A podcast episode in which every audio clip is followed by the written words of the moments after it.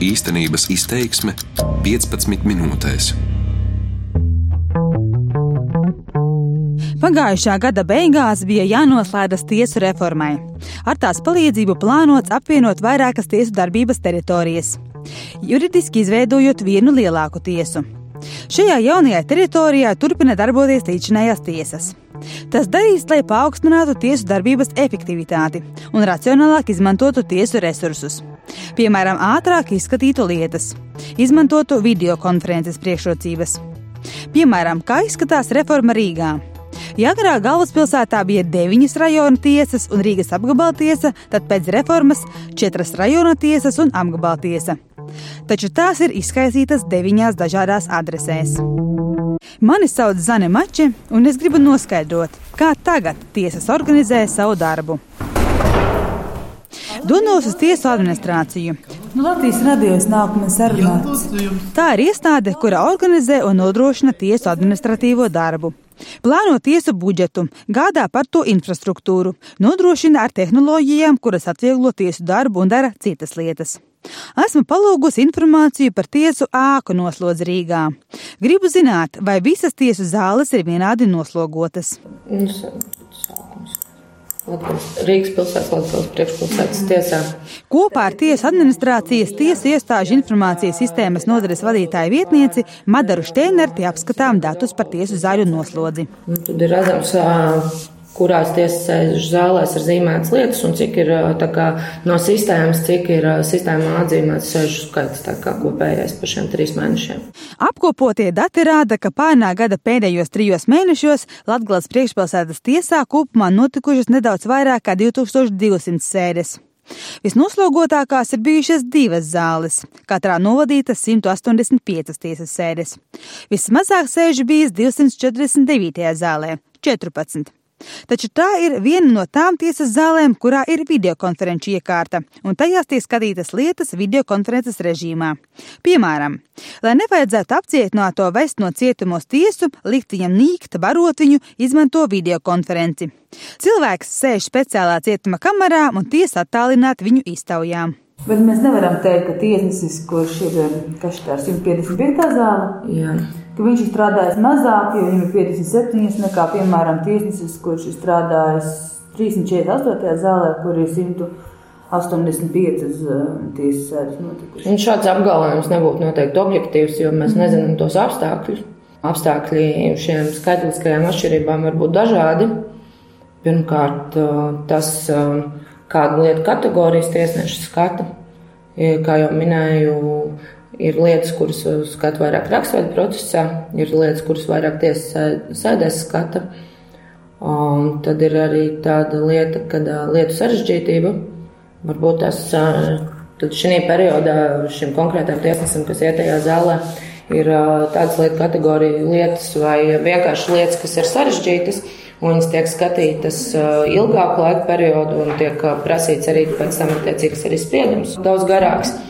Iespējams, tiesnesis ir bijis uz slimības lapas, kā arī tiesneši, kuriem nav savas zāles. Tāpēc viņš savas lietas var skatīt dažādās tiesas zālēs. Materiāla tehniskā nodrošinājuma nodaļas vadītāja Daiga Grāva piebilst. Ir tiesneša noslodze un zāles noslodze, un tās ir divas dažādas lietas. Jā. Tas, kas tur parādās kā zāles noslodze, tas neatiecas uz kaut kādu vienu konkrētu tiesnesi. Mm -hmm. Bet nav teiksim, tas tiesnesis vai tas tiesnesis. Tur varētu būt divi, trīs un visas zāles noslodzes kā tādi. Cik viņi ir racionāli izmantoti. Var arī būt tā, ka vienu lietu izskata vairāki tiesneši. Tā ir ar sarežģītām krimināllietām. Tā kā Maksims lietā ir iesaistīts nevis viens tiesnesis, bet vairāk, jo līdz ar to viņiem parādās, ka viņam it kā nav slodzes. Nu, skaitliski, ja? Jā. bet viņi nodarbināti visi šai lietā. Skaidro grāve. Šādos gadījumos tiesā paši organizē savu darbu. Vai nu tiesneši vispār nepiedalās jaunu lietu sadalē, vai arī viņiem dot vieglākas kategorijas lietas. Tālāk aplūkojam Zaru noslodzi Rīgas pilsētas vidzemes priekšpilsētas tiesā. Šī tiesa ir izvietota divās adresēs - Aberenes ielā kopā Rīgas apgabaltiesas krimināllietu kolēģiju un vecajā administratīvās tiesas sākā Jēzus baznīcas ielām. Nu, Vidzemes priekšpilsētas tiesa arī ir liela tiesa. No četrām Rīgas tiesām šajā noticis visvairāk tiesas sēžu - vairāk nekā 3600. Zinu arī, ka šeit nav katram tiesnesim tā savu zāli. Tad, tur tiek izmantotas arī citas telpas, ka Rīgas apgabalties arī piesaistītās zāles arī citreiz. Jautāju. Bet ko no tiem datiem var secināt? Šteinerte saka, likums arvien biežāk ļauj lietas skatīt rakstveida procesā. Tātad tiesnesim zāli nevajag, darbs notiek kabinetā. Līdz ar to nākotnē iespējams katram tiesnesim nevajadzēs savu zāli, kur lietu skatīt mutveida procesā. Līdz ar to es neteiktu, ka tā ir problēma par to, ka katram tiesnesim nav savu zāli. Varbūt tāda nērtība drīzāk, bet viņi noteikti ir nu, risināmi. Grāve saka, jau notiek reformu process. Tiesu ēkās mēģina integrēt zemes grāmatas. Tas nozīmē, ka nebūs jāmaksā noma par zemes grāmatu telpām. Jo šī gada, gada vidu zemes grāmatu tiesnesis būs pilntiesīgs tiesas tiesnesis. Viņam noteikti neizveidos pārceļoties uz tiesu savu zāli. Viņam tiks izveidots kabinets, darba vietas. Tāds piemērs mums, piemēram, tagad ir kuldīga.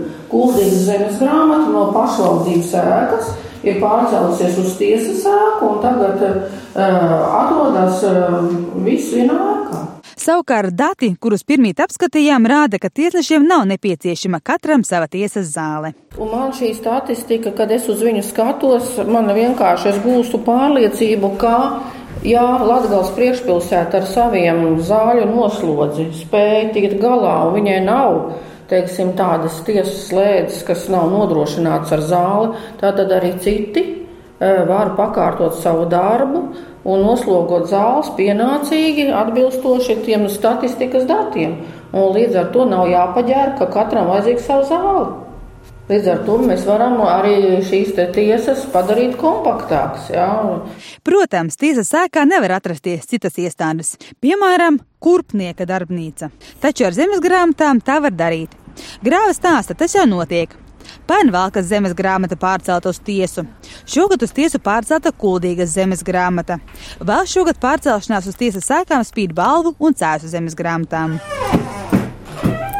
Eju uz Rīgas apgabaltiesu brīvības ielā. Te skatā apelācijas civillietās. Mums apmēram ir um, darbs nodrošināts tā, ka vienam sastāvam ir uh, katram sava zāle. Viņi ar to var rēķināties. Viņiem nav jāskatās, vai kāds cits uh, tiesnesis nav nozīmējis tajā pašā laikā. Nu, ja gadījumā tā ir, tad vienmēr var atrast kādu citu zāli, kurā ieiet. Stāsta Rīgas apgabaltiesas civillietu tiesu kolēģijas priekšsēdētāja Līga Blūmiņa. Šī tiesa izskata piemēram strīdus par uzturlīdzekļu piedziņu vai laulības šķiršanu. Te strādā 37 tiesneši. Katru apelācijas lietu viņi skata trietā.